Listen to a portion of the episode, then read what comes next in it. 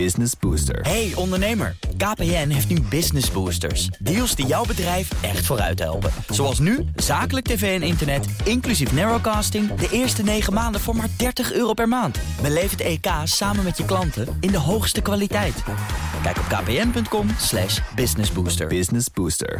De column van Marianne Zwagerman. Onvervalste jodenhaat in de krant. Dat was toch even schrikken gisteren. In de strijd tegen coronakritiek is blijkbaar alles geoorloofd. Eerder stond in het AD al de kop: Maurice de Hond gaat als een razende stier tekeer tot hij alles en iedereen heeft vernietigd.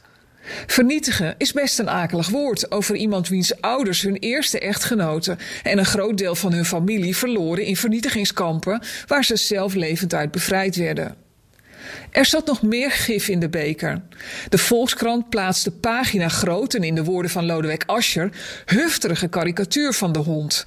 Er tussendoor geglipt, volgens hoofdredacteur Pieter Klok. Weekendbeslissing, te weinig mensen op de redactie, is zijn verklaring voor het plaatsen van de op natiepropaganda gelijkende tekening die redacteuren niet opmerkten, omdat ze het vanwege hun leeftijd aan historisch besef ontbreekt.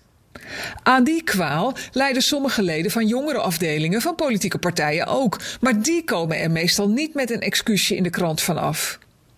De officiële reden voor de haatcampagne tegen Maurice de Hond is zijn rol in de Deventer-moordzaak.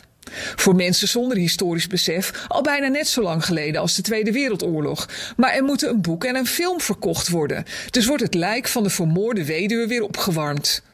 De NPO stelde ruimhartig middelen ter beschikking voor de promotie van het boek en de film van nieuwsuursjournalist Bas Haan. In een podcastserie wordt de oude zaak opgerakeld. De afzender is de NPO, maar de podcasts zijn gemaakt door de producent van de film. Merkwaardig. Na het luisteren van de zes afleveringen is niet langer de dode weduwe het slachtoffer, maar de klusjesman. De dader is niet de al dan niet ten onrechte voor de moord veroordeelde boekhouder, maar Maurice de Hond. Hij is de kwaaie genius.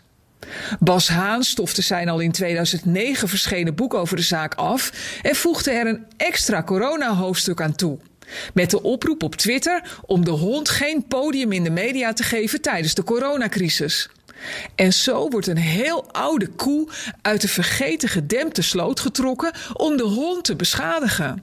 Terwijl hij het in deze crisis duizend keer vaker bij het rechte eind heeft dan de mensen die er officieel over gaan.